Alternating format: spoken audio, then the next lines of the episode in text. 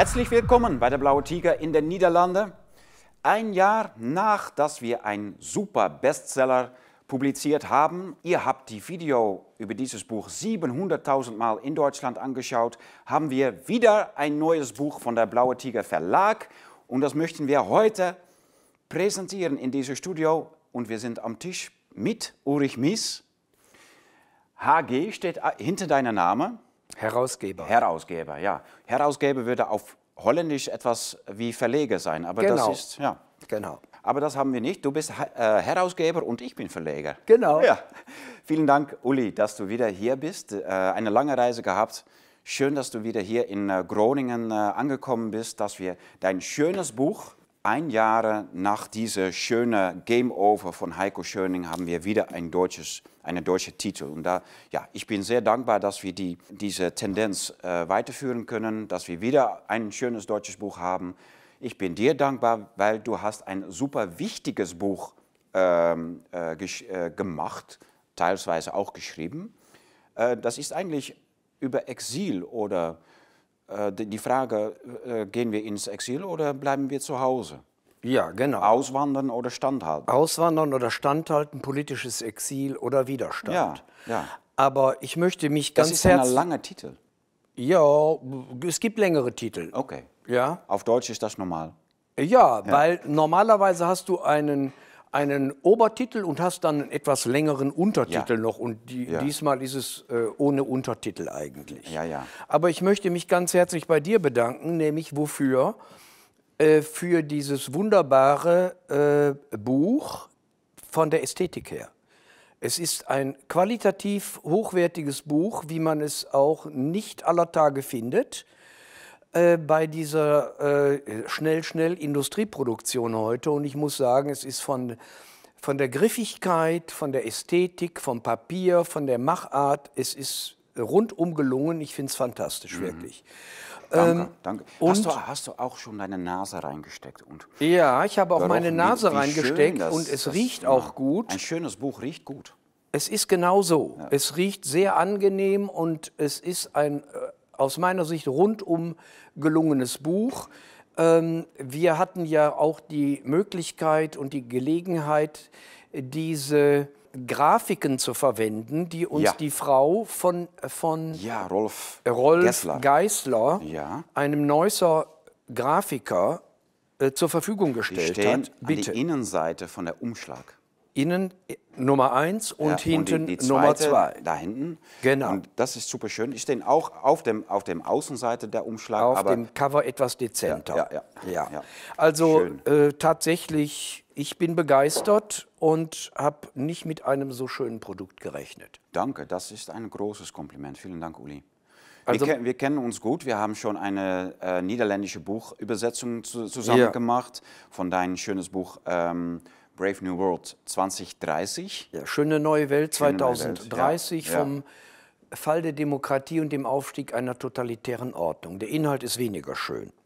Weniger, ja. Also ähm, würde man sagen, negativer.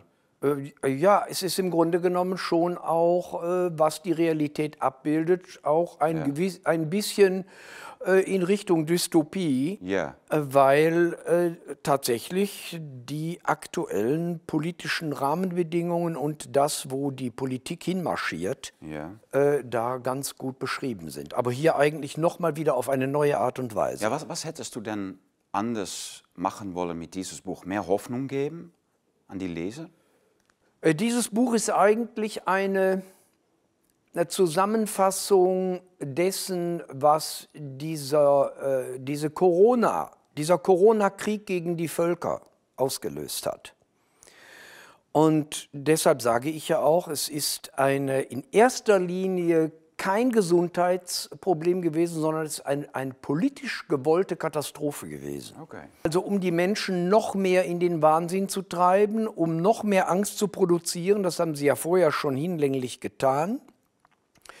Und, aber deine Frage ging ja in die Richtung, wo, wo unter, wodurch unterscheidet sich das jetzt mehr oder weniger von Brave New World, äh, Schöne neue Welt 2030. Und hier geht es tatsächlich darum, ähm, einmal zusammenzubringen Menschen, die äh, Europa verlassen haben. In erster Ja. Linie Deutschland Ja. verlassen haben und die Gründe auch ähm, darstellen zu lassen von den Autorinnen und Autoren. Viele Frauen haben diesmal mitgeschrieben, das auch neu. Ja, okay. Weil normalerweise schreiben zu diesen unappetitlichen, harten Themen äh, nicht so viele Frauen. Und äh, diesmal sind eben viele, viele Frauen dabei als Betroffene des Corona-Staatsterrors, wie ich das nenne. Ah, ah. Und die dann ihre Sachen gepackt haben. Äh, äh, Einige sind äh, ähm, also aus den unterschiedlichsten Berufen eigentlich und auch in die verschiedensten Länder ausgewandert. Und es ist ja nicht so, dass ähm, wir jetzt äh, voll- vollkommen repräsentativ hätten arbeiten können. Es ist natürlich eine Zufallsauswahl von ähm, Auswanderern, aber auch von Menschen, die eben hier geblieben sind, die ja gesagt haben, nee, wir gehen nicht weg. Nur ist es eben ein Riesenunterschied, ähm, auf welche Art und Weise du im Rahmen dieser Corona-Krise konfrontiert wurdest mit, den, mit dem Staatsapparat und mit den, äh, mit den Bürokratien als nachgeordnete Behörden der, der, politischen, der politischen Willensträger und wie die mit dir umgegangen sind. Und äh, ganz schlimm hat es eben die kritischen Ärzte erwischt. Nicht? Denen hat man ja in Deutschland teilweise die Türen eingetreten, denen hat man die, die Computeranlagen ausgeräumt, Ja. die haben sie bis heute noch nicht zurückgekriegt, wie Das war wirklich Staatsterror. das ist Staatsterrorismus, das ist nichts anderes. Ich sage, die ganze, diese ganze Nummer, die sich ja bis heute eigentlich in Deutschland noch durchzieht, ist nichts anderes als Staatsterrorismus.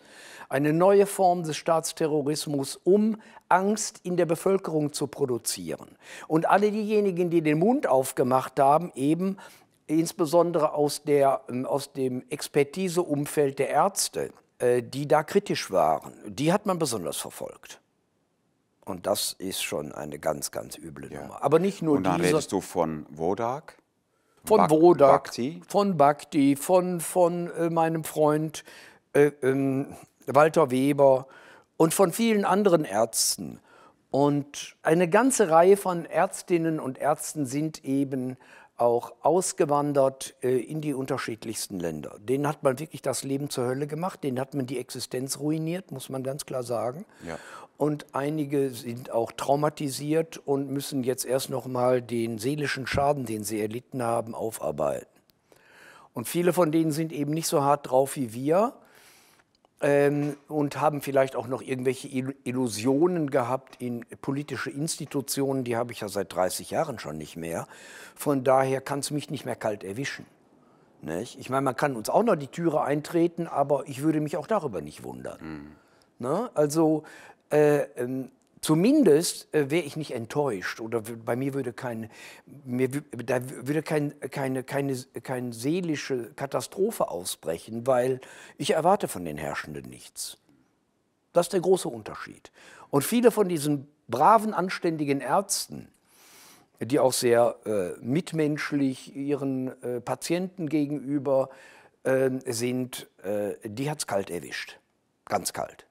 Und das muss man sagen. Und ich glaube, da liegt auch der große Unterschied. Aber nicht nur der Ärzte, sondern auch viele, die eben im, in den Krankenhäusern äh, äh, tätig waren und tätig sind.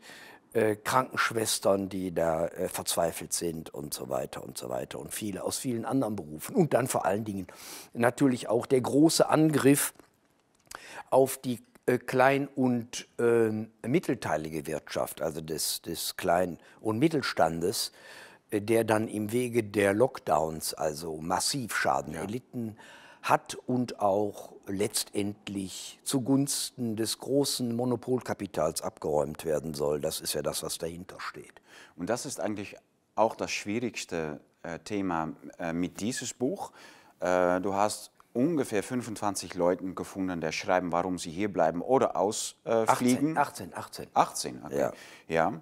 Und ähm, äh, es gibt Leute, die sehr erfolgreich ausgeflogen sind und es gibt Leute, die auch äh, überzeugt hier geblieben sein. Ja. Und, ähm, aber wenn man die, die, die Unternehmer, die haben hier ein Unternehmen und die müssen die ganze Sache dann ähm, äh, Ja. dahin irgendwo, Ja. Ungarn, Schweden oder weiter weg, Egal, Par- Paraguay, äh, da, dahin umziehen und da wieder ein neu, neues Unternehmen aufbauen.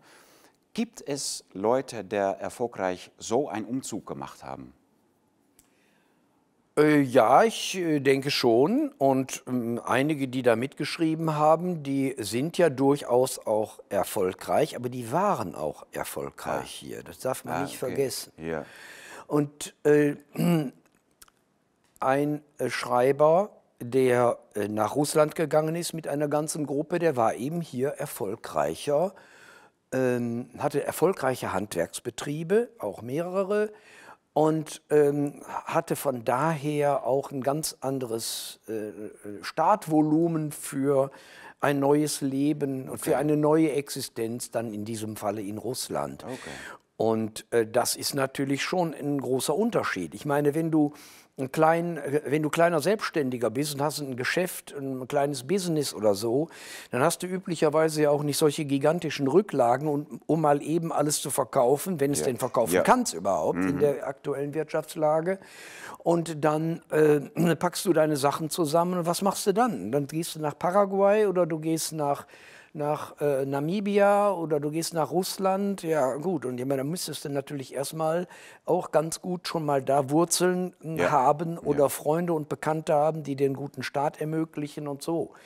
Und äh, so nach, ins Blaue hinein wegziehen ist fast ganz unmöglich. schwierig, ja. ganz, ganz schwierig. Es gibt auch ähm, Künstler, die sind abgehauen aus Deutschland, die sind weggegangen und sind mehr oder weniger auch tatsächlich dann ähm, ja, ins kalte Wasser gesprungen, kann man okay. nicht anders ja, sagen. Ja. Weil sie es nicht mehr ausgehalten haben, weil sie den psychischen Druck, aber auch diese unangenehme ähm, Mitläufermentalität äh, vieler, vieler Deutscher nicht mehr ertragen konnten. Äh, guck mal, Uli, du bist ein deutscher Schriftsteller, du wohnst äh, gleich über die Grenze in die Niederlande, also du bist noch immer ein bisschen deutsch, hat noch immer viele äh, ein gutes Netzwerk in Deutschland. Ja. Aber äh, wie läuft das, wenn man äh, so nach Russland geht oder Schweden und du musst alles hinterlassen? Ja, das hängt ja wesentlich, ob, ob das jetzt ein schwieriger Start wird oder gar nicht so ein schwieriger Start, hängt wesentlich von, deiner, von deinem gesamten charakterlichen Unterbau ab. Und auch von dem Hintergrund, den du mitbringst. Das heißt, wenn du wie Remo Kirsch äh, eben geschrieben hat, schon als frühere DDR-Bürger einen sehr guten Kontakt gehabt hast zur Sprache ähm, und auch zu verschiedenen Menschen in Russland, ähm, äh, zur, zur, zum gesprochenen Wort und geschriebenen Wort. Und wenn du auch schon große Reisen gemacht hast in den, in den asiatischen Raum hinein, monatelange Reisen oder vielleicht sogar da auch schon gearbeitet hast, das ist ein völlig anderen Staat, ist doch völlig klar. Dann ist das für dich eigentlich, wenn du über gute Fähigkeiten verfügst, insbesondere wenn du äh, äh, sag mal, Kenntnisse hast als Arzt oder aus dem Handwerk und so weiter, dann ist der Staat, denke ich, machbar.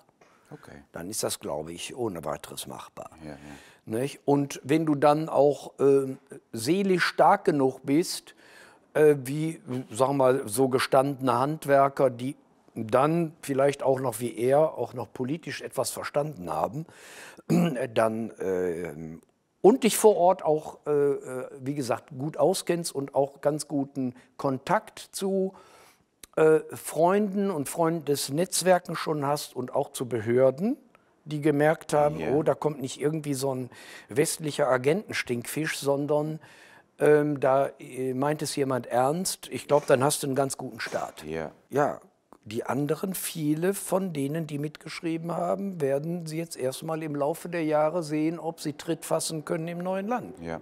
Na, äh, in die Niederlande ist das Thema politisches Exil wirklich sehr wichtig. Viele Leute denken darüber, nach Portugal, Paraguay oder so zu gehen oder Schweden. Ungarn ist auch populär. Ja. Äh, inwieweit ist dieses Buch eigentlich eine praktische Hilfe für solche Leute? Es ist kein Ratgeberbuch, um das ganz klar zu sagen. Es ist ein Buch, ähm, in, dem, in dem die Menschen ihre Erfahrungen beschreiben, warum sie weggegangen sind. In erster Linie aus äh, den Gründen der, der politischen Repression Ja.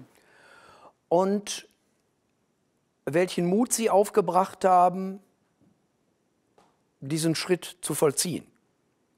Denn da gehört ja viel Mut zu. Ja. Und ähm, Und das gelingt auch nicht immer. Nein, natürlich gelingt das nicht immer, das ist völlig klar. Und man muss ja auch sehen, von, von vielen Auswanderern, die den Schritt gemacht haben, äh, kommen auch eine ganze Reihe wieder zurück. Ja. Nur ist die große Frage, und da vermute ich, dass das diesmal anders sein wird, weil diese Menschen, die hier mitgeschrieben haben und, und die vielen, vielen Tausenden, die leider nicht mitschreiben konnten, nicht aus Abenteuerlust weggegangen sind, sondern sie haben sich exiliert gefühlt als politisch Verfolgte. Und das ist was anderes. Das ist was ganz anderes. Ja. Und wenn ich mich politisch verfolgt gefühlt habe und mich äh, herausgeekelt gefühlt habe aus einem Land und auch diese unangenehmen Erfahrungen mit verarbeiten musste, die mir andere Menschen zugefügt haben, also die breite Bevölkerung, dann weiß ich nicht, ob du dann nochmal zurückkommst. Äh, da versuchst du alles ganz anders in dem neuen Land äh, zu bleiben oder ein anderes neues Land zu finden, als, als dass du nochmal zurückkommst. Weil der Bruch ist, bei mir wäre der Bruch total, das weiß ich genau. Ich würde in ein solches Land nie wieder zurückgehen. Und es gibt auch einen Aufsatz von einem Künstler-Ehepaar, da steht drüber, hoffentlich müssen wir Deutschland nie wieder betreten. Ah, Und das ist, eine ganz, das ist schon eine sehr, sehr harte Aussage. ja, das ist sehr hart. Würdest du noch zurückgehen nach Deutschland? Du Nein. wohnst ein, ein paar Kilometer von der Grenze, braucht vielleicht auch nicht zurückzugehen? Nein, nein, nein, nein, gar nicht. Nein, nein, nein. Unter gar keinen Umständen. Okay. Ich würde, ich würde eher aus, äh, ähm, also Europa verlassen, weil natürlich dieses äh, marktradikale und äh, äh, zerstörte Europa mittlerweile ähm, ja ein, ein Gesamtblock ist. Und ähm, tatsächlich würde ich sagen, Deutschland ist, ist das schlimmste Land in ganz Europa. Die Menschen sind auch am beschädigsten. Ähm, und ja, ich würde sagen, durch diese, vor allen Dingen nochmal durch diese Corona-Geschichte zusätzlich auf eine Art und Weise beschädigt, äh, das, das dauert ja ein, zwei Generationen, bevor das wieder raus ist aus der Bevölkerung. Nein, ich, ich würde nicht mehr nach Deutschland gehen, auf keinen Fall. Das ist für mich, ich habe ich hab meine, meine Kultur, meine Sprache, ich liebe die Sprache, weil die sehr ausdrucksstark ist, weil du mit der deutschen Sprache Ja, unglaublich ja, genau. viel machen kannst. Ja. Ist eine fantastische Sprache, äh, die man ja jetzt auch angreift, nicht über Political Correctness und sonstigen Bullshit. Man versucht ja die Sprache auch noch zu zerstören äh, als Regierungsprogramm äh, auch wieder eine Form des Staatsterrorismus. Aber es gibt, wir mal, von den von 100 äh, ähm, Menschen, äh, gut, wir können vielleicht auch über die Aufteilung dann mal sprechen, wie, wie man das einschätzt. Aber selbst wenn du, guck mal, wenn du 10 Prozent äh, äh, interessante, für dich interessante und gute Menschen findest, dann wären das in Deutschland immer noch etwa 8 oder 8,2 Millionen. Und das, Das ist eine ganze viel. Menge. Ne? Das ist sehr viel. Und ähm, es sind aber mehr, glaube ich, äh, die- mit denen man tatsächlich äh, sehr, sehr gut umgehen kann. Und das ist schon ein ganz guter Pool. Ne? Aber das, äh, äh, wie gesagt, reicht mir nicht. Ich würde nicht mehr wieder nach Deutschland umziehen. Auf keinen Fall. Und kennst du viele andere Deutschen, die auch nicht mehr zurückgehen werden? Ich kenne eine ganze Reihe Deutscher, die äh, aus Deutschland weggegangen sind, die auch nicht mehr äh, zurückgehen werden, aller Voraussicht nach nicht zurückgehen werden. Man weiß ja, man kann ja nicht sagen, nie, nie, nie, weiß ich nicht, ne, wie die, wie die weiteren Entwicklungen sich vollziehen werden. Aber ähm, ja, das ist eine ganze Reihe. Und ich habe ja im Rahmen dieser Corona-Krise äh, Dutzende Menschen Ja. Und meistens, Kennengelernt. meistens Rentner oder auch arbeitsame Leute. Nee, arbeitsame Leute, nicht nur Rentner. Die, die, die Rentner, die sind, die sind, Die können äh, hin, überall hingehen. die Rentner kann, können, ja gut, wenn du eine einigermaßen akzeptable Rente bekommst, nicht? Das ist ja auch ein Riesenproblem. Die, die schlechtesten Renten, die kriegst du ja in Europa und kriegst du ja in Deutschland mittlerweile. Wenn du bei gleicher Arbeitsleistung kriegst du in, in Österreich etwa die doppelte Rente. Wirklich? Ja. Nicht? Das haben sie ja auch im Rahmen der neoliberalen Konterrevolution alles zerstört, nicht? Seit der Wende vorwiegend, seit Ja, der ja, Wende. Nicht? Ja. Also, da In ist den ja alles 90er Jahren.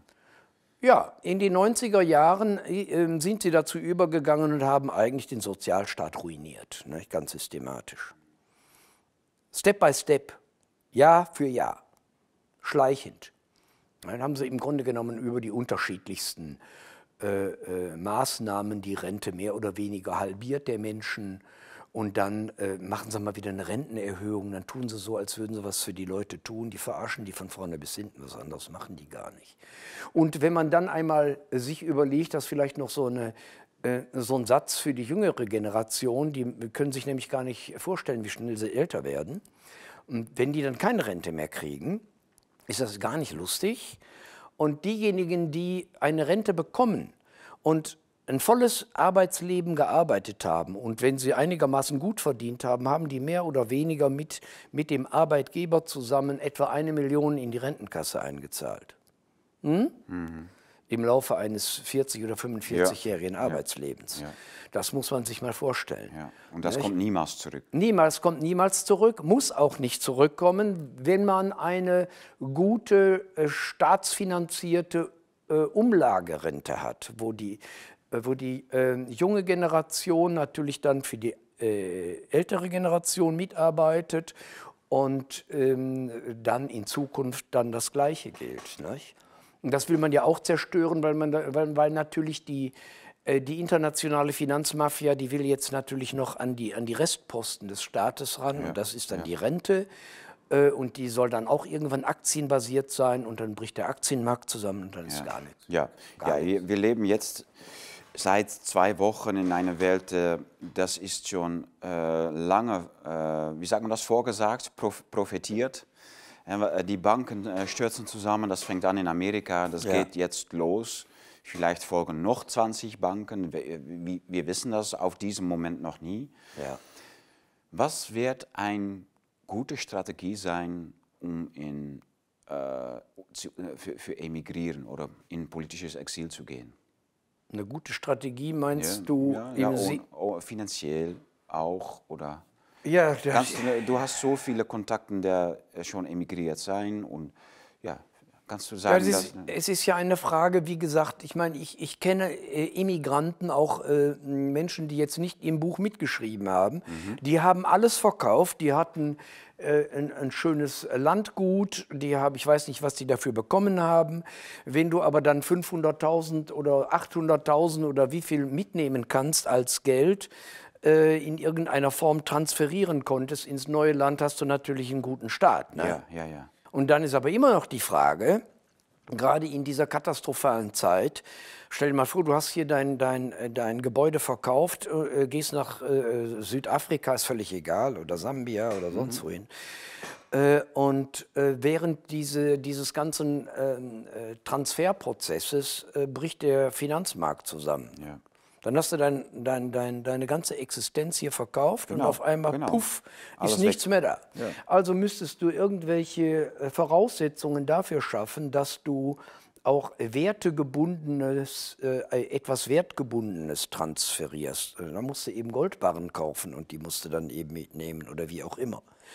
Oder Goldmünzen oder musst da mehrfach hin und her fliegen. Ich weiß es nicht. Auf jeden Fall würde ich nicht nur mit einem, äh, mit einem, mit einem Bankentransfer das regeln. Auf gar keinen Fall. Du fliegst nicht irgendwo hin mit einem vollen Bankaccount. Ähm, ja, oder, oder, oder ein Teil davon oder Ja, ja. was, ja. Oder, oder nur mit Papiergeld in der Tasche. Das wäre Wahnsinn. Nicht? Also äh, das sind alles äh, Dinge, die müsste man von vornherein klären. Oder äh, äh, eine Transaktion kann ganz schnell erfolgen. Das weiß ich nicht. Das hängt sicherlich von dem einzelnen Land ab. Dass du quasi äh, das alte Gebäude verkauft hast und hast schon ein neues und kannst dann sofort bezahlen. Ja. Und dann ist die Sache auch notariell vor Ort geklärt. Aber üblicherweise dauern diese Transfers ja äh, äh, ein, einige Monate, je nachdem. Ja, also ziemlich risikovoll. Ja. Also der, wir haben eine Corona-Krise gehabt. Wir sind jetzt in Europa, ich denke auch in Amerika, sind wir im Krieg. Wir sind im Krieg. Die ja. führen Krieg ja. gegen innen und außen. Ja. Das und dann kommt, dann kommt jetzt ein drittes äh, Thema dabei und das sind die Banken und die Finanzwelt, die ja. zusammenbrucht in diese, diese Monate, was auch schon so lange ja, äh, vorgesagt ist. Aber in der Corona-Zeit konnten Leute noch balen. Ne? Äh, man konnte sehen, ja, in Schweden ist das nicht so schlimm, die Maßnahmen, in Ungarn nicht. Also wir können nach Schweden oder, oder Ungarn. Ja. Oder Paraguay oder äh, weiter weg. Aber ja.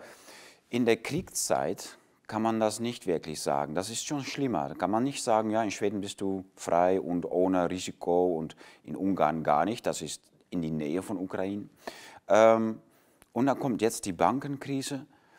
Ist es noch, gibt es schon Leute, die ein Jahr oder zwei Jahre her dachten, ja, ich bin jetzt wirklich wieder frei und die sind eigentlich von der Geschichte wieder, äh, wie sagt man das, überholt oder dass, dass die ja, dass Sie glauben, Sie, würden, Sie, Sie könnten wieder in, ihre, in Ihr altes Leben zurückgehen. Meinst du das? Ja, ne? ja, ja. Ja, ja so, solche, solche, äh, mit solchen Leuten habe ich aber nichts zu tun. Okay.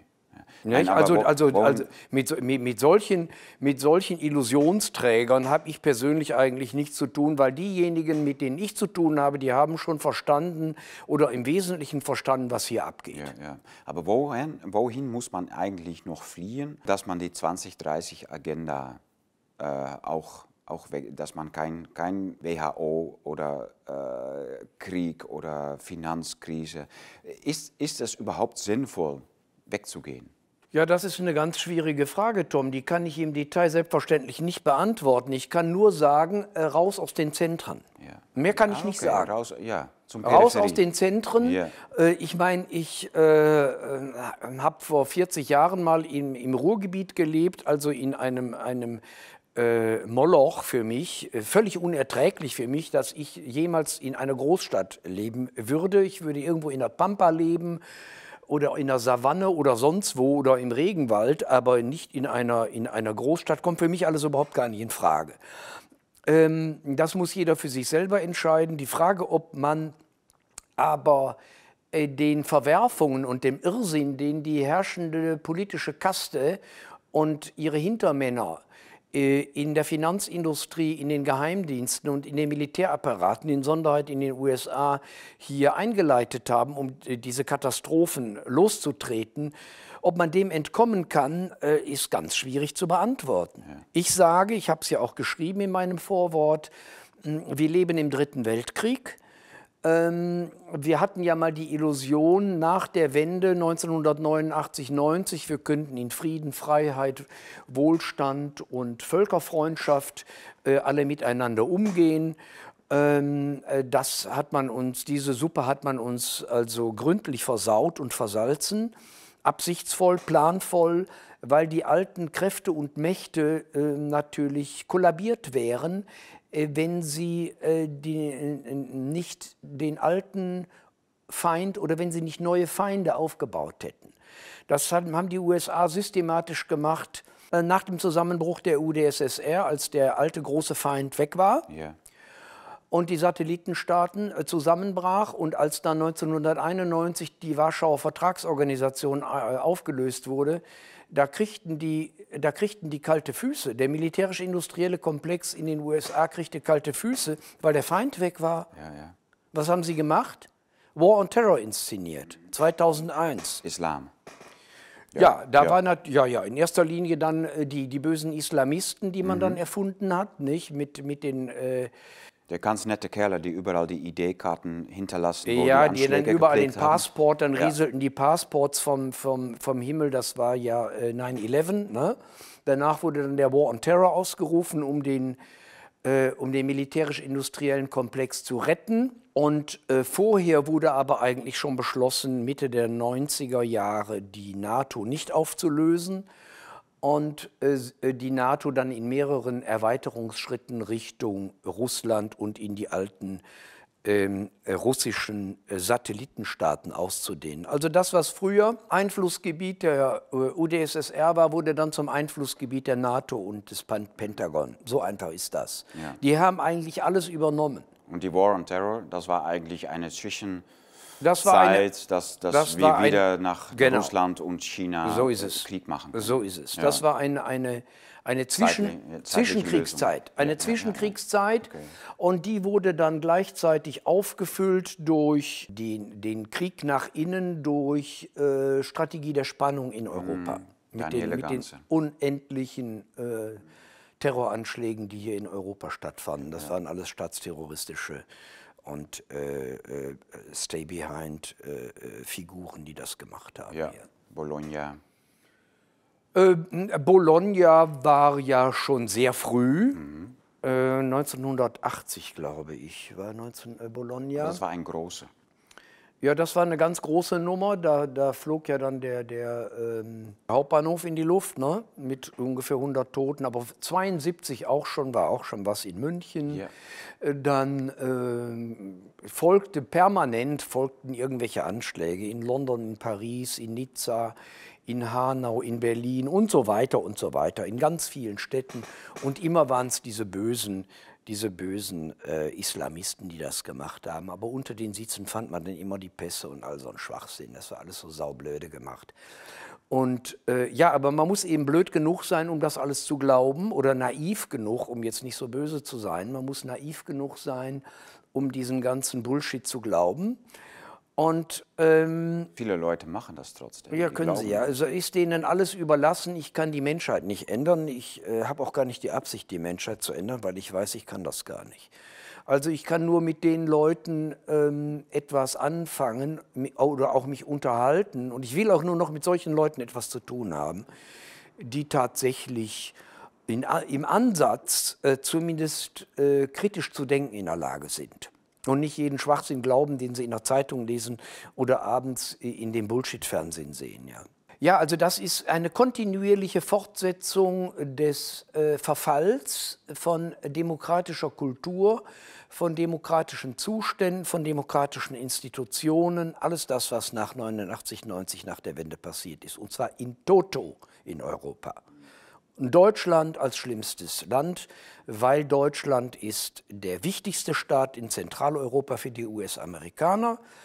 Und was noch sehr interessant wäre, vielleicht auch für manche Forscher, was da nach 89 oder schon im Vorfeld besprochen worden ist oder an Zusagen äh, gemacht wurde, der Kohl-Regierung äh, im Rahmen der 4 plus 2 Gespräche. Und zwar ähm, brach ja alles zusammen, aber letztendlich wollten die Westmächte oder die früheren ähm, Weltkriegssiegermächte, ähm, USA, Frankreich, Großbritannien, äh, die wollten auf gar keinen Fall, dass Deutschland wieder irgendwie eine Großmacht wird.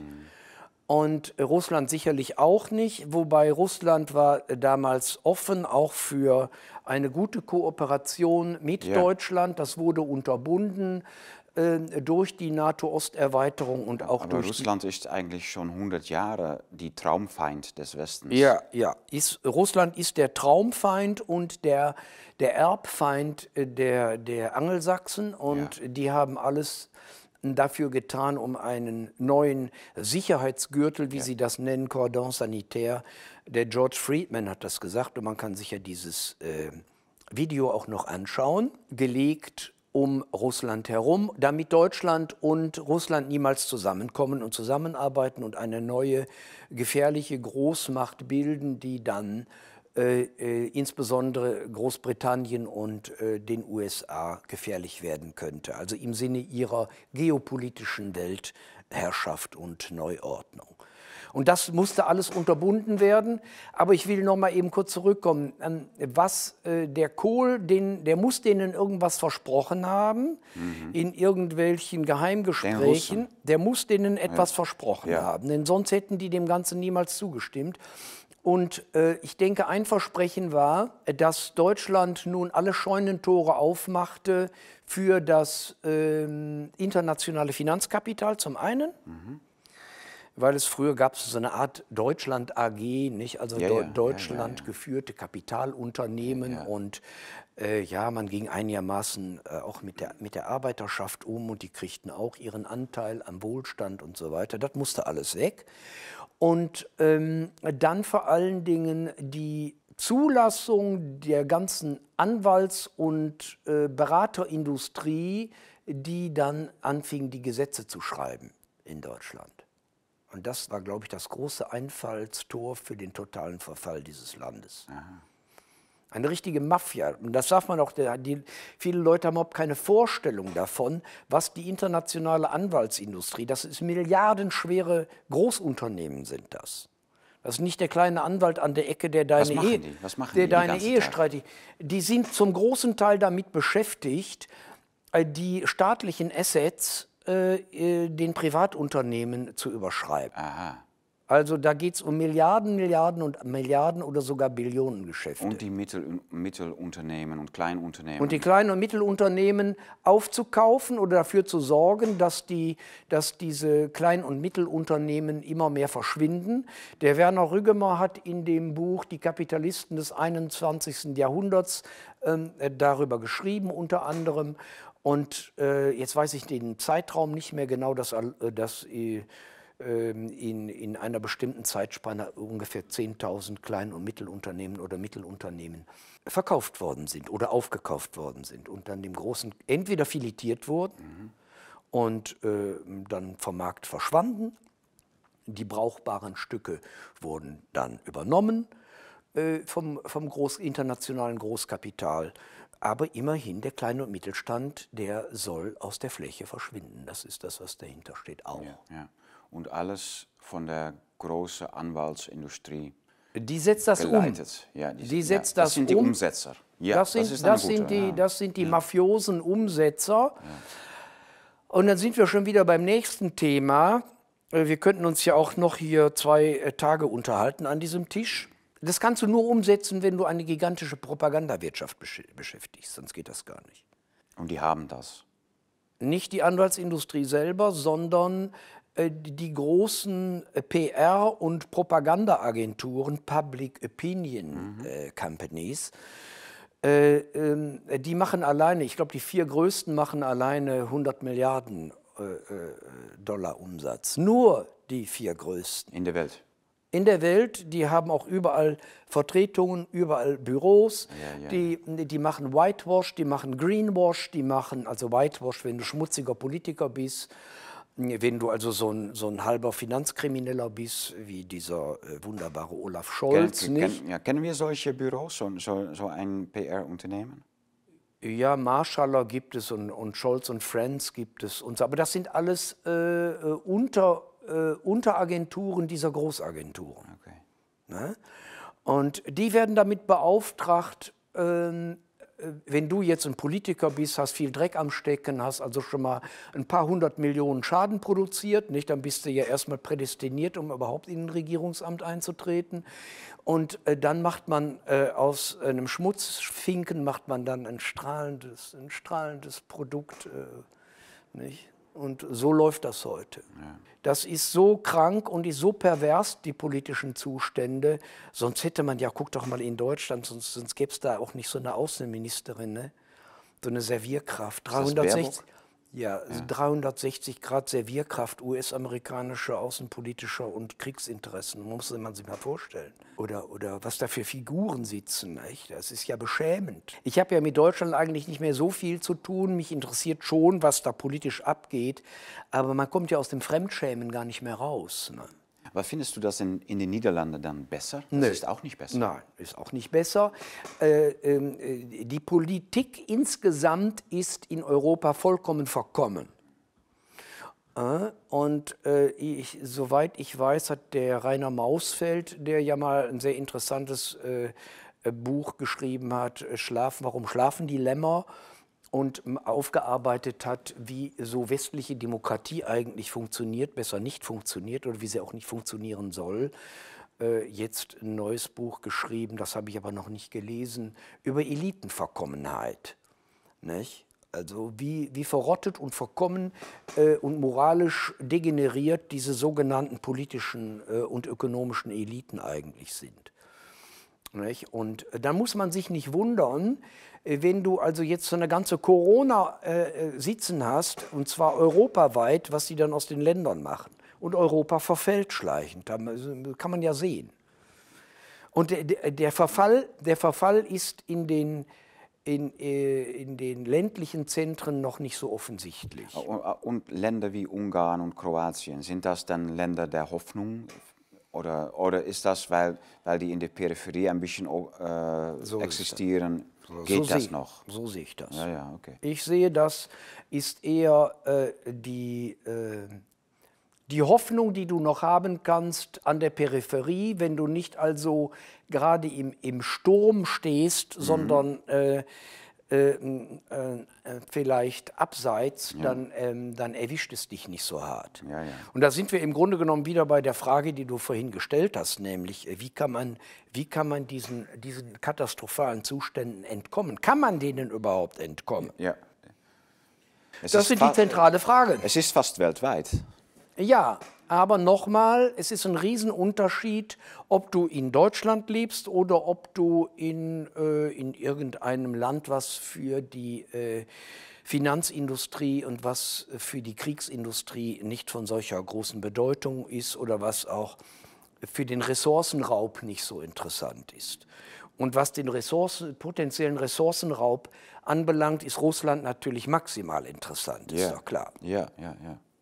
Und irgendwie wollen die äh, USA, die da ja in diesen Krieg oder auch in diesen Vorkrieg oder in diesen Regime-Change, äh, äh, wie man sagt, oder äh, Putsch 2014 und bis jetzt weit über 100 Milliarden Euro äh, oder äh, US-Dollar investiert haben, die möchten das ja irgendwie zurückholen. Ne? Okay.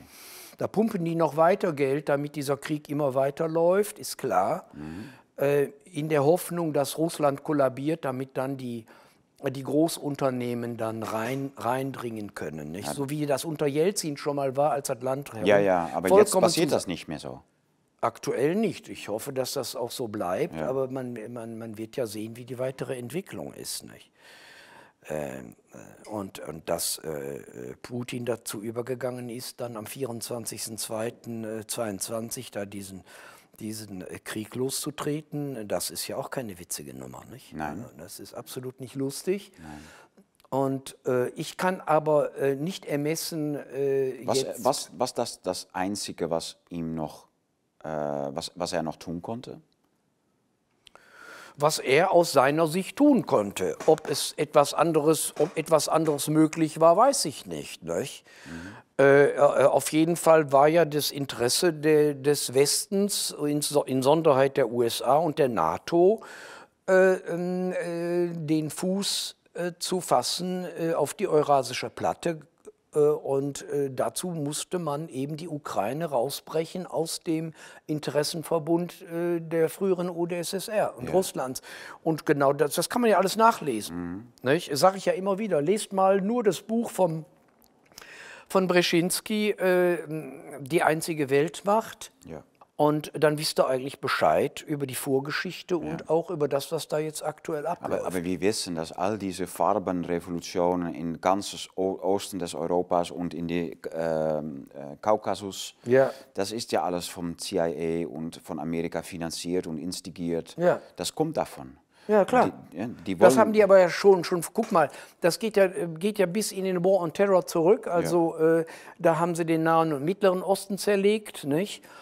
Ähm, Libyen, äh, Irak, ja. äh, Afghanistan, Syrien und so weiter. Da waren sie also schwer beschäftigt, haben Millionen Tote produziert und jetzt äh, sind sie, äh, reiten sie auf der, auf der humanitären Welle, um, um sich jetzt für die ukrainische äh, Bevölkerung und die Freiheit der Ukrainer äh, zu, zu interessieren. Das ist ja. alles so verlogen und verkommen.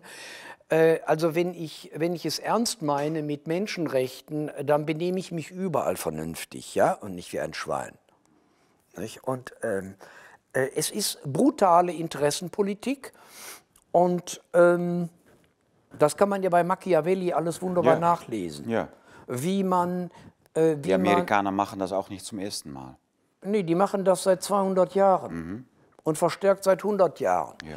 Also die, die Kontinuität US-amerikanischer Kriegspolitik, die lässt sich zurückverfolgen. Immer weiter, immer weiter, immer weiter. Nach der Wende äh, ging es weiter. Keine Friedenszäsur, wollte man nicht. Mhm. Und eine, eine, eine, äh, ein Land, eine Nation, die äh, im Grunde genommen der Krieg in die politische DNA eingeschrieben ist, äh, das kriegen sie so schnell nicht raus. Deshalb ist die Frage, welche Katastrophen müssen noch passieren, damit das besser wird. Und die Corona-Nummer, die haben sie aus meiner Sicht ja auch erst rausgeholt, weil sie merkten Ende 2019, da haben ja schon viele gesagt, äh, der internationale Finanzmarkt macht einen großen Crash. Der kommt jetzt Ja, offenbar. Ja, ja. Ne? Und äh, da ist eben die Frage, was ist äh, tatsächlich geplant in diesen Abläufen? War on Terror, äh, Strategie der Spannung, äh, Gefahr des internationalen Finanzcrashs und dann kommt die Corona-Nummer und jetzt schleift die Corona-Nummer aus, dann holt man den Ukraine-Krieg, den man 20 Jahre vorher mit dem bösen Putin ähm, vorbereitet hat, den holt man jetzt voll aus der Schublade und jetzt äh, kommen sie da offenbar nicht so richtig weiter, jetzt ziehen sie den Finanzcrash aus der Schublade und so weiter. Also das, da, da ist auch eine gewisse Systematik in dem Ganzen, äh, das ist völlig klar.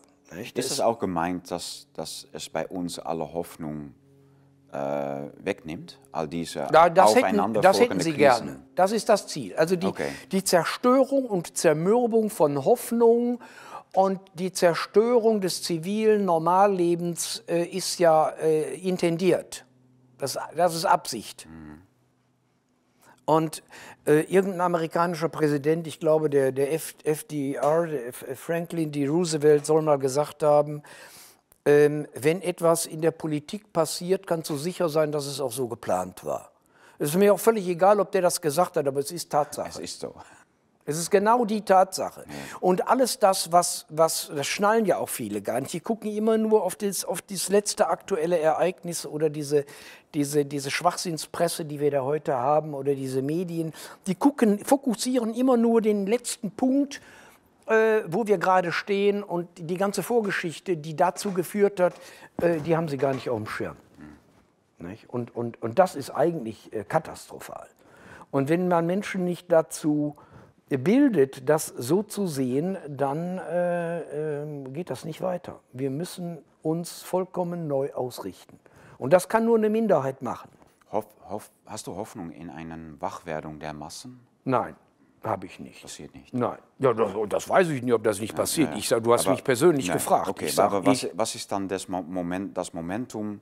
Du sagst eigentlich, wir brauchen noch eine Krise, äh, vor dass wir da, das... daraus, das, das heißt aber gar nicht, dass daraus die Massen schlau werden. okay. Das ist, das ist, das Wir ist, brauchen das auch nicht, sagst du eigentlich. Was, was brauchen wir, dass es alles besser wird? Wir brauchten eine vollkommene, eine vollkommen andere Politik. Eine vollkommen andere Politik. Wir müssten einen Totalaustausch der sogenannten Eliten haben. Und, und wie erreichen wir das? Äh, Das äh, ist, äh, weiß ich nicht, ob das, ob das auf friedlicher Ebene zu lösen ist, kann ich nicht beantworten. Ich hoffe, dass das irgendwie friedlich vonstatten geht. Ja, Aber die natürlich. sind ja nicht friedlich. Die, das, ist- das ist ja kein friedlicher Prozess, in den die uns hineingeführt haben. Ja, wir sind schon im Staatsterrorismus, wir haben das schon, die führen einen Krieg gegen die Bürger. Die führen einen Krieg nach innen und nach außen. Ja, ja. Und, und dann ist natürlich auch die große Frage äh, der, der vielen netten Menschen, die es ja auch gibt, die sagen, ja, wir können keine Gewalt anwenden und sagen, ich möchte auch keine Gewalt anwenden. Ja? Aber wenn man dir das Messer hier da und hier hinhält und du bei der nächsten Bewegung musst du äh, aufpassen, dass du selber äh, zu Schaden kommst, dann ist die Frage, was machst du? Kein Mensch liebt Gewalt. Und das würde weiß ich nicht, würde ob, ich da, ob sagen. da, Aber natürlicherweise, Ja, es Ja. gibt genug Idioten, Ja. äh, die du ja auch in diesen, äh, in diesen Söldnerheeren findest. Das sind kranke Menschen, das sind Psychopathen, das sind völlig äh, verwahrloste Menschen, die findest du dann in solchen Söldnerheeren wieder. Nicht? Die, die morden und machen Totschlag auf Bestellung. okay, Nicht? Das ist dann deren Job. ja. Nicht? Also man kann nicht sagen, generell sei die Menschheit Nein, äh, äh, okay. liebenswürdig. Ja. Man muss da sehr sauber differenzieren und man muss immer genau schauen. Es gibt Psychopathiker. ja, und es machen. gibt Psychopathen jede Menge. Und die Frage ist, wie hoch setze ich den an in, egal ob in Holland, in Deutschland, in den USA oder in Ungarn, spielt überhaupt keine Rolle. Wie hoch ist im Durchschnitt der, der Prozentsatz an Psychopathen, an Wahnsinnigen, an Machtbesessenen? Und da kann ich sagen, da bin ich auch fest von überzeugt, dass, der, dass sich in den sogenannten Führungspositionen, dass das ein Magnet für Psychopathen ist. Ja. Und diese Psychopathen äh, ziehen wieder als Magneten andere Psychopathen an. Äh, empathiefreie äh, äh, Menschen, die dann da hineinkommen. Und dann kann man die Frage stellen, wie werden wir die los? Äh, schwierige Frage. Ja, sehr schwierig. Ja. Eine ganz also, schwierige Frage. Ja.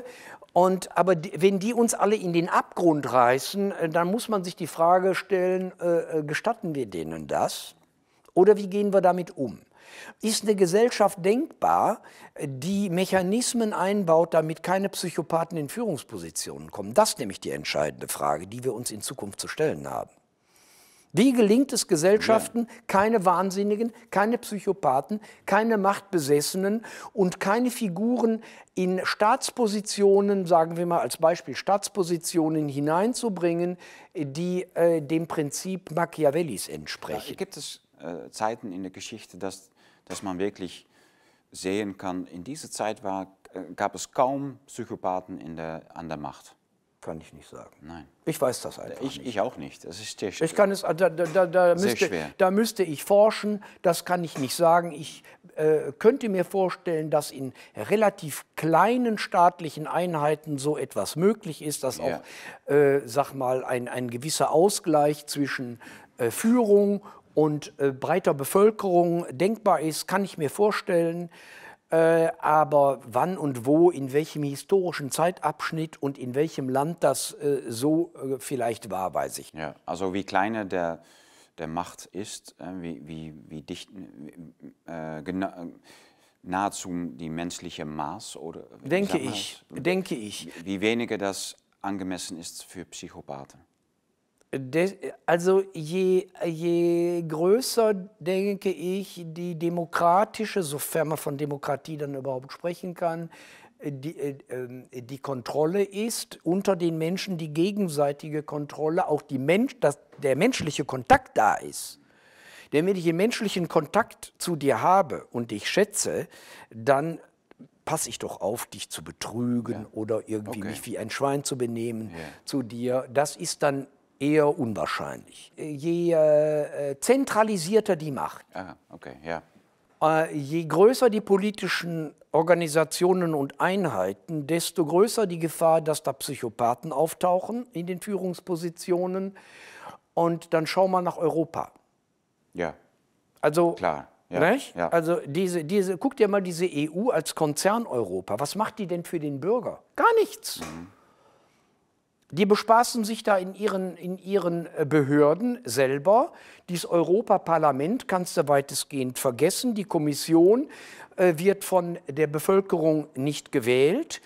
Äh, das Parlament hat in den fundamentalen äh, politischen Fragen im Budgetrecht und in der Außenpolitik nichts zu sagen. Äh, das hat mit Demokratie absolut gar nichts zu tun. Und je weiter du dann in, in diese Hierarchien nach oben aufsteigst, äh, WHO, UN und so weiter, ähm, desto undemokratischer werden sie und desto größer auch die Gefahr, dass sie von oben übernommen werden und von Konzerninteressen gekauft werden. Und genau da stehen wir heute. Die WHO ist mehr oder weniger eine von Privatinteressen verseuchte äh, Gesundheitsorganisation, ne? von Gates und Konsorten aufgekauft und kontrolliert. Ja. Da stehen wir heute. Nicht? Und äh, wer diese Zusammenhänge nicht sieht oder nicht sehen will, der soll es lassen, ist mir persönlich vollkommen egal. Ja. Ja, ich, ich bin kein Pädagoge, ich kenne auch viele Leute, die stehen jeden, äh, jeden Samstag oder jeden Montag auf der Straße, um Flyer zu verteilen, um Leute anzusprechen. Ich mache das nicht lächerlich, auf gar keinen Fall. Ich respektiere das sehr, aber das ist nicht meine Sache, ist nicht mein Ding. Ich bin kein Pädagoge und ich möchte auf andere Art und Weise arbeiten, aber nicht so.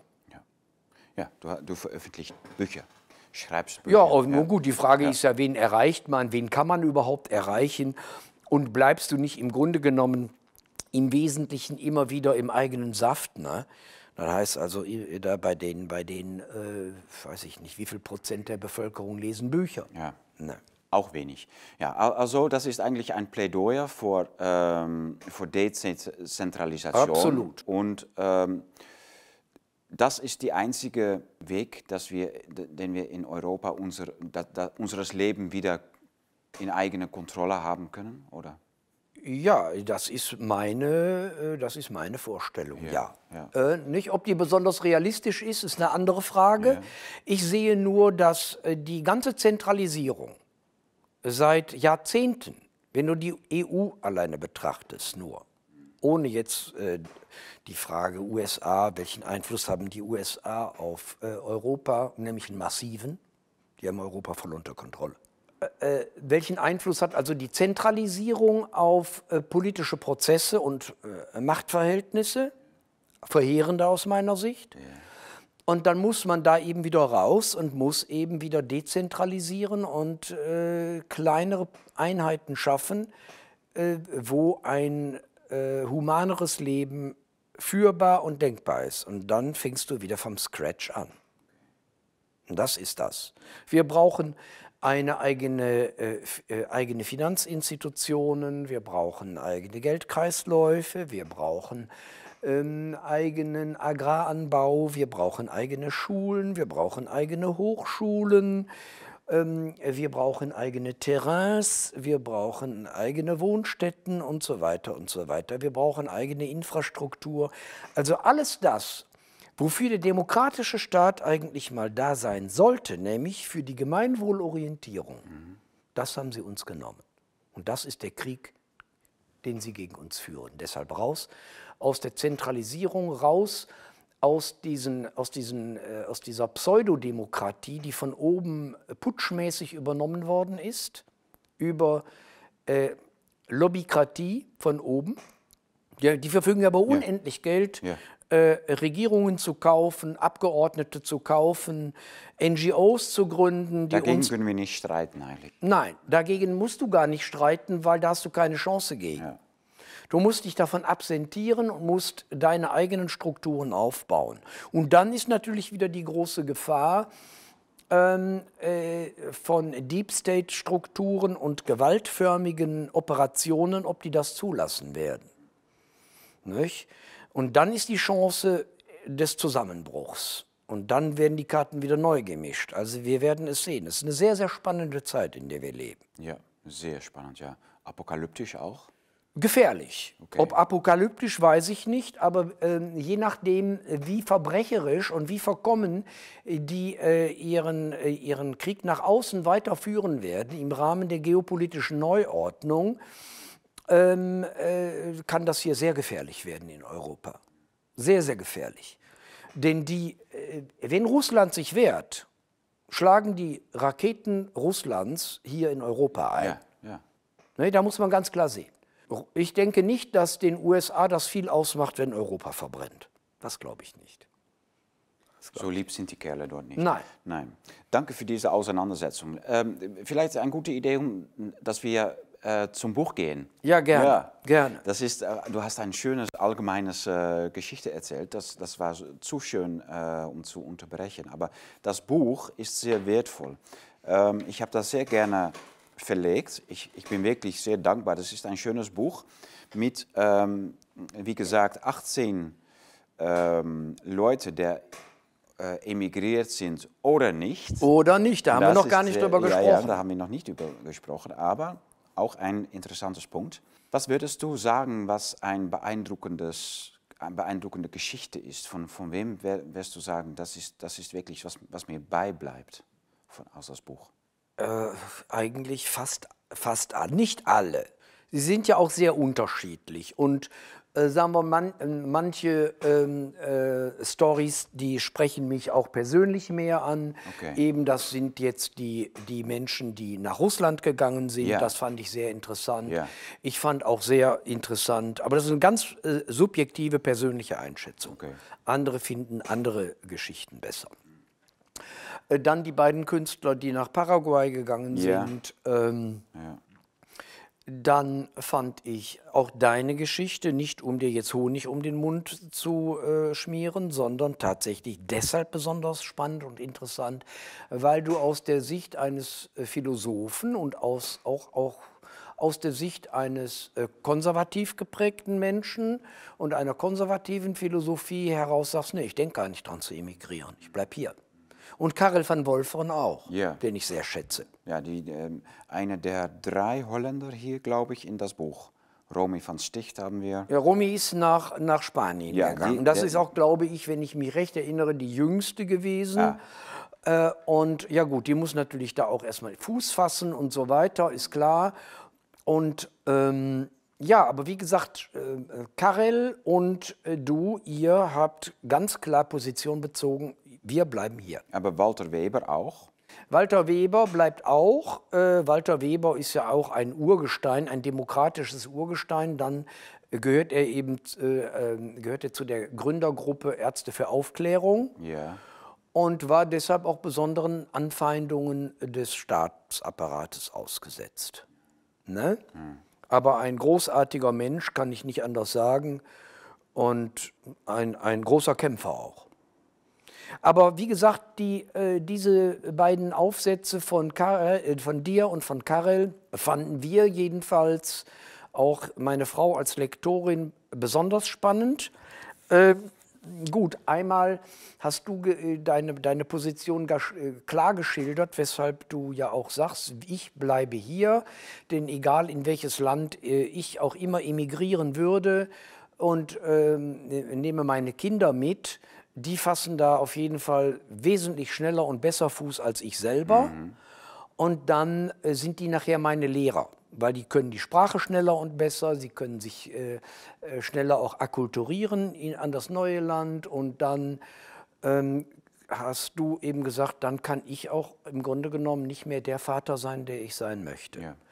Welche, Kultur, welche Kultur muss ich übertragen an die Kinder, Genau. wenn wir nicht mehr in die Heimat leben? So ist es. Und das fand ich aus der philosophischen Sicht, oder wir beide fanden das sehr, sehr spannend. äh, Und äh, ja, also eine, ein, ein äh, großartiger Kontrapunkt zu denjenigen, die gesagt haben, danke, wir, wir gehen. Wir halten, wir halten es nicht mehr aus.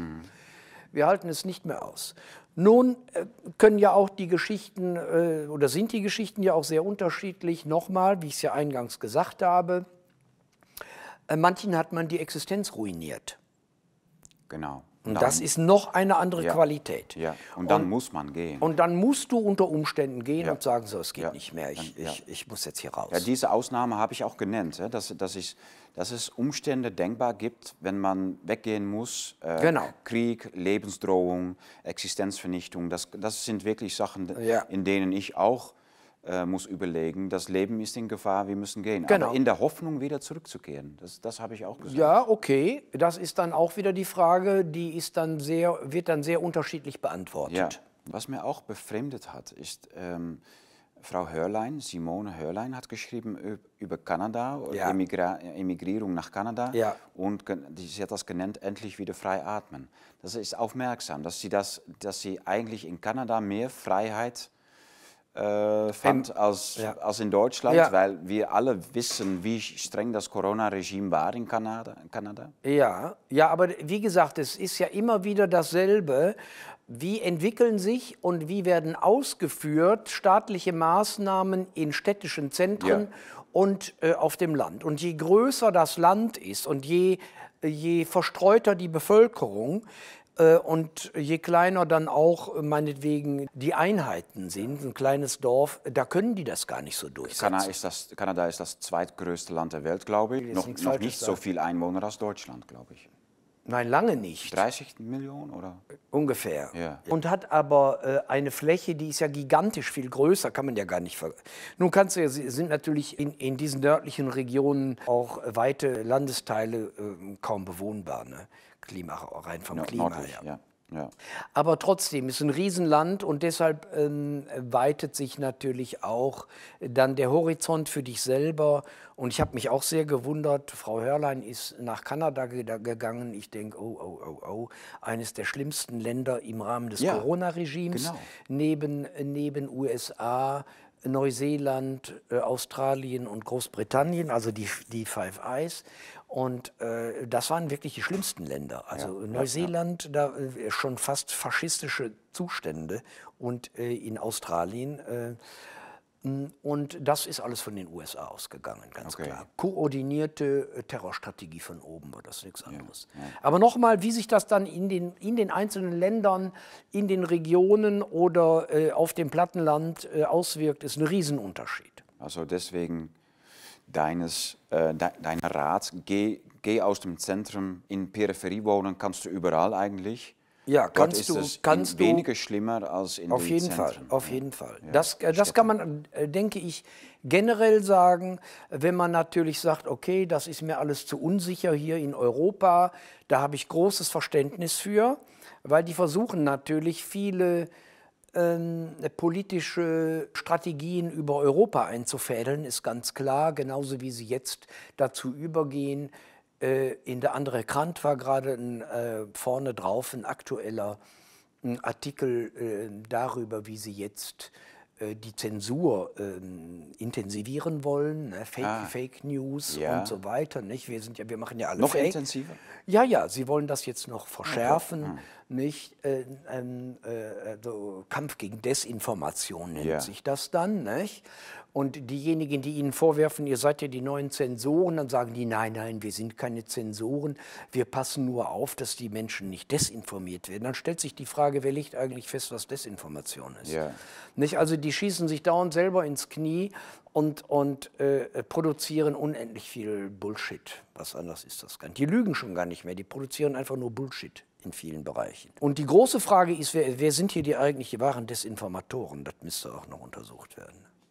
Das wissen wir schon. Das wissen wir, ja. wissen das, ja. ja. ja. Es gibt zwei Beiträge aus Paraguay, Chile ein. Asien ist eigentlich ja nur Laos, Hermann Plopper. Hermann ist aber, äh, äh, ja, als, ich möchte mal sagen, so Zeitreisender zwischen zwei Welten, ja. Ah. Und auf Dauer, glaube ich, möchte er da auch nicht leben. Okay. Das merkt man eben auch bei, bei einigen, die möchten sich eigentlich nicht aus Deutschland heraus ekeln lassen.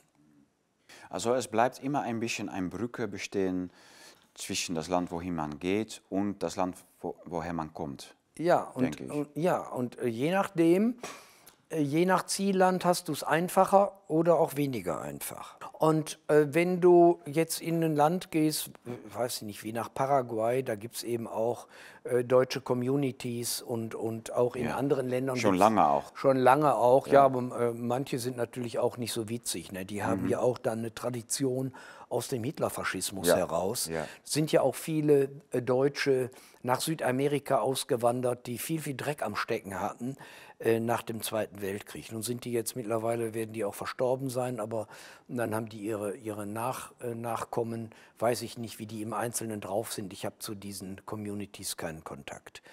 Aber ich war längere Zeit in Namibia, da gibt es ganz äh, freundliche und nette Communities auch. Also, Deutsche? Ja. ja. Und da wird ja auch viel Deutsch gesprochen noch, ah, also Eng Englisch und Deutsch kommst du gut mit äh, durch, gibt sogar eine deutsche Tageszeitung. Wow. Und ja, da hast du, wenn du neu einsteigen willst in ein Land, ganz gute Kontaktmöglichkeiten über die jeweilige deutsche Community und da wirst du sicherlich dann auch deine Freundinnen und Freunde finden können. Und äh, ja, ist alles sehr spannend. Ne? Also ein, ein schöner Durchschnitt eigentlich. Viele Auswanderung in, innerhalb Europa, denke ich. Österreich, Dänemark, Schweden, Bulgarien, Polen, Schweiz, Skandinavien, Spanien. Ja. Und derjenigen, der zu Hause bleiben. Das ist, also die meisten Leute hier, die mitschreiben an das Buch, sind noch eigentlich immer in Europa. Ja. Ja. ja. Ist, ist das wirklich Auswandern oder würdest du sagen? Ja, würde ich schon sagen. Also ich meine, ähm, es ist insofern natürlich etwas einfacher für dich, ähm, sagen wir mal, ob du jetzt nach Laos gehst oder Kambodscha mhm. oder bleibst im europäischen Kulturraum, da fühlst du dich natürlich schon ähm, vertrauter hier im europäischen Kulturraum, auch ja. wenn ich jetzt beispielsweise kein Portugiesisch spreche. Aber ich denke, ähm, wenn ich ähm, interessiert bin und möchte hier aus Zentraleuropa weggehen und zum Beispiel nach Spanien oder, oder Portugal als Beispiel jetzt nur oder äh, was weiß ich nach Sizilien, dann habe ich einen, einen leichteren Zugang, vielleicht auch schon durch Reisen, die ich früher mal gemacht habe äh, oder auch äh, Kontaktmöglichkeiten, die ich äh, treffen kann, als jetzt in Kambodscha oder Laos. Ich ja, denke, das ja. ist schon ein großer Unterschied. Da kann man dann vielleicht tatsächlich sprechen von so einer Art europäischer Völkerfamilie, weiß ich nicht. Vielleicht ist das ein bisschen zu idealistisch gedacht. Wenn man dann fleißig ist und sich äh, auch bemüht, kann man, denke ich, ganz gut schnell auch Spanisch lernen oder Französisch. Und das ist dann von der eigenen Initiative und, und äh, Agilität auch abhängig, wie ich dann mich da einbringe. Und dann bei gutem Willen kommt man dann da, denke ich, auch ganz gut zurecht. Mhm. Ja, Ulrich, vielen Dank. Das ist ein, ähm, es, es, ist ein super interessantes Buch. Also äh, wenn, wir, wenn ich das ein bisschen zusammenfasse, dann würde ich sagen, ähm, dieses Buch geht über Auswandern aus den Zentren, aus, aus dem Druck, den du täglich erfahren hast, nach der Peripherie. Und abhängig von was man unter Peripherie ja. verstehen kann, ja. kann man sagen, das kann innerhalb Europa sein, vielleicht auch innerhalb dein eigenes Land. Das ist, das ist eigentlich mein, eigene, mein eigenes Essay. Ja. Oder nach die andere Seite der Welt. Ja. ja. Ja. Das ist eigentlich sehr schön. Ja, das ist eigentlich mein Punkt, dass dass ich eigentlich schon verbannen bin in eigenes Land. Ja, ja, ja, ja. Und das ist in Deutschland sicherlich auch so, weil ich habe eben auch noch gute Kontakte zu vielen Freunden ja. äh, in Deutschland. Und es ist ein Riesenunterschied, ob du in Westdeutschland oder in Ostdeutschland lebst. Ah. Und ich habe sehr, sehr viele gute Freunde und Freundinnen gewonnen aus Ostdeutschland. Ja, ich auch. Die ja. vor allen Dingen den Vergleich anstellen zwischen dem, was sie schon mal erlebt haben im Rahmen eines äh, äh, nicht demokratischen Regimes und dem, was jetzt wieder abgeht. Ja, ja. Und deshalb haben sie so eine Art Wiederentdeckungserlebnis, weißt du? Ja. Und, äh, aber wenn du in Ostdeutschland irgendwo auf dem Land lebst und hast dich vielleicht irgendwo in einer ein, einigermaßen vernünftigen Community niedergelassen, dann kannst du, glaube ich, da auch ganz gut leben. Ja, ich kenne auch viele Niederländer, der nach Sachsen-Anhalt oder Vorpommern gegangen ja, sind ja. und da, da, äh, einen Bauernhof gekauft haben ja, oder einfach wohnen und arbeiten. Das ist, und es ist super schön. Ich fand es auch Deutschland so ist ein schön. wunderschönes Land. Es ist wirklich ein wunderbares Land. Sachsen-Anhalt in die Nähe Bismarck, so super schön. Ich fand es äh, traumhaft. Sehr, ist sehr, Hermann Plopper sagt ja, es ist eigentlich ein sehr, sehr schönes Land. Mhm. Egal, wenn du, wenn, du, wenn du äh, mal wieder 50 Kilometer weiter gefahren bist, dann hast du meistens schon wieder eine ganz andere Landschaft ja. und so. Und äh, ja, du, du kannst da alles haben. Also von, der, von, von Mecklenburg-Vorpommern, äh, Seenlandschaft über, über, über, Mittelgebirge, alles ist schon sehr, sehr schön. Ja, ja. Ja. Eigentlich Deutschland bleibt, bleibt immer das wichtigste Land Europas, negativ oder positiv, und auch einer der schönsten, schönsten Länder Europas, oder? Ja, ich bin nun sehr, äh, ja, ich finde Frankreich noch spektakulärer. Okay. Ähm, muss ich schon sagen, also landschaftlich noch spektakulärer. Und weil wir jetzt auch in den letzten Jahren sehr viel äh, da gereist sind. Aber Deutschland ist auch ein sehr, sehr schönes Land, gar keine Frage. Aber politisch das, äh, der, der, der Brennort Europas. Ja. Aktuell im schlimmen Sinne. Ja. Aber man kann auch sagen äh, oder andersrum äh, denken, dass wenn es in Deutschland Frieden gibt, gibt es eigentlich in ganz Europa Frieden. Ja, aber die USA lassen das ja nicht zu. Nein, aber das ist das, ist das Punkt. Da geht's das, um ist, das ist, weil die Deutschland nicht aus ihrem Fokus entlassen. Ja. Und das ist das. Und von, deshalb der Unfriede wird von außen in das Land hineingetragen, auf allen Ebenen, mhm. um die Kultur zu zerstören, die Ökonomie zu, zu zerstören und die Führungspositionen mit ihren äh, Psychopathen zu besetzen. Ja. Also wenn Deutschland verlassen wird von der Amis oder Yankees, dann kann es auch schnell passieren alles. Hè? Dass, dass wir Frieden mit Russland bekommen, dass, dass es Ruhe gibt aufs Kontinent. Tom, das glaube ich nun wiederum nicht. Das wäre die Voraussetzung. Ja. Aber dann musst du ja auch die vielen Wahnsinnigen, die müsstest du ja erst mal wieder äh, in eine vernünftige Kultur bringen. Denn diejenigen, die da immer noch in den Führungspositionen sitzen, sind ja im Grunde genommen deren Statthalter, die USA, US-Statthalter. Ja, okay, dann und die die Köpfe ändern. Die Ja. müssen weg. Ja. Die müssen Ja, weg und genau. dann brauchst du aber best- bestimmt wieder eine Generation, um äh, Frieden, auch äh, gesellschaftlichen Frieden in das Land zu Aber bringen. ich denke, wenn es Frieden, Friede gibt und wenn es wieder Ruhe gibt auf dieser Ebene, dann wird Kultur auch wieder auf, aufwachsen. Und dann hat kommt die Kultur zurück. wieder, eine Chance. Ja, Ja, ja, ja, das glaube ich auch. Also, das ist hoffentlich nicht die letzte Mal, dass Sie hier gewesen sind, äh, Ulrich. Ähm, Du hast ein wirklich super schönes Buch, wichtiges Buch, auch in dieser Zeit von Bankenkrise, von Krieg mit, äh, auf, auf das eurasiatische Kontinent. Das ist ein wichtiges Buch. Wohin sollen wir gehen? Ge- Bleiben wir zu Hause? Gehen wir weg? Was man auch macht. Die, dieses Buch ist voll mit, mit Geschichten von Leuten, die überall hingewiesen sind. Sehr, sehr schön. Vielen Dank, äh, Ulrich. Ich bedanke mich bei dir als Verleger. Ich habe es eingangs gesagt, es ist ein gelungenes Buch, ein selten schön gemachtes Buch. Zum Schluss muss ich vielleicht noch sagen, die Mafia, die Weltmafia, das hat Heiko Schöning eigentlich super gut beschrieben in die Game Over. Wer, wer dahin steckt, auch die, da hast du ein schönes Wort, Stadthalter oder so? Statthalter. Ja, ja. Ja, Wer- sind, wer die sind die Statthalter. Ja. Sie sind, was hier in Europa passiert, Ja. mit den wichtigsten Nationen äh, Deutschland und Frankreich, aber auch Italien, die haben die äh, Interessenstatthalter äh, der USA in den Spitzenpositionen genau. platziert, aber auch in, in, aber auch in der, in der EU-Bürokratie. Ja, also die Struktur, die Statthalter von, dem, von der Macht und die Statthalter von die ver internationalen Verbrecher. Dazu ist jetzt ein zweites deutsches Buch erschienen bei der Blaue Tiger, Blue Tiger Media. Ich bin sehr stolz und dankbar, dass wir jetzt das zweite deutsche Buch verlegt haben. Danke, Ulrich. Und es kommt mehr dazu. Wir haben mehr Bücher in Vorbereitung dieses Jahr noch. Äh, schöne Bücher, praktische Bücher, es kommt noch alles dran. Dieses Buch kann bestellt werden in unserem Webshop. Also gehen Sie zu äh, der Link unter diesem Video, da, da Sie, können Sie das Buch bestellen und hoffentlich hast, ist es eine schöne Hilfe in dieser Zeit. Ulrich, vielen Dank. Ich danke dir vielmals. Dankeschön. Ja.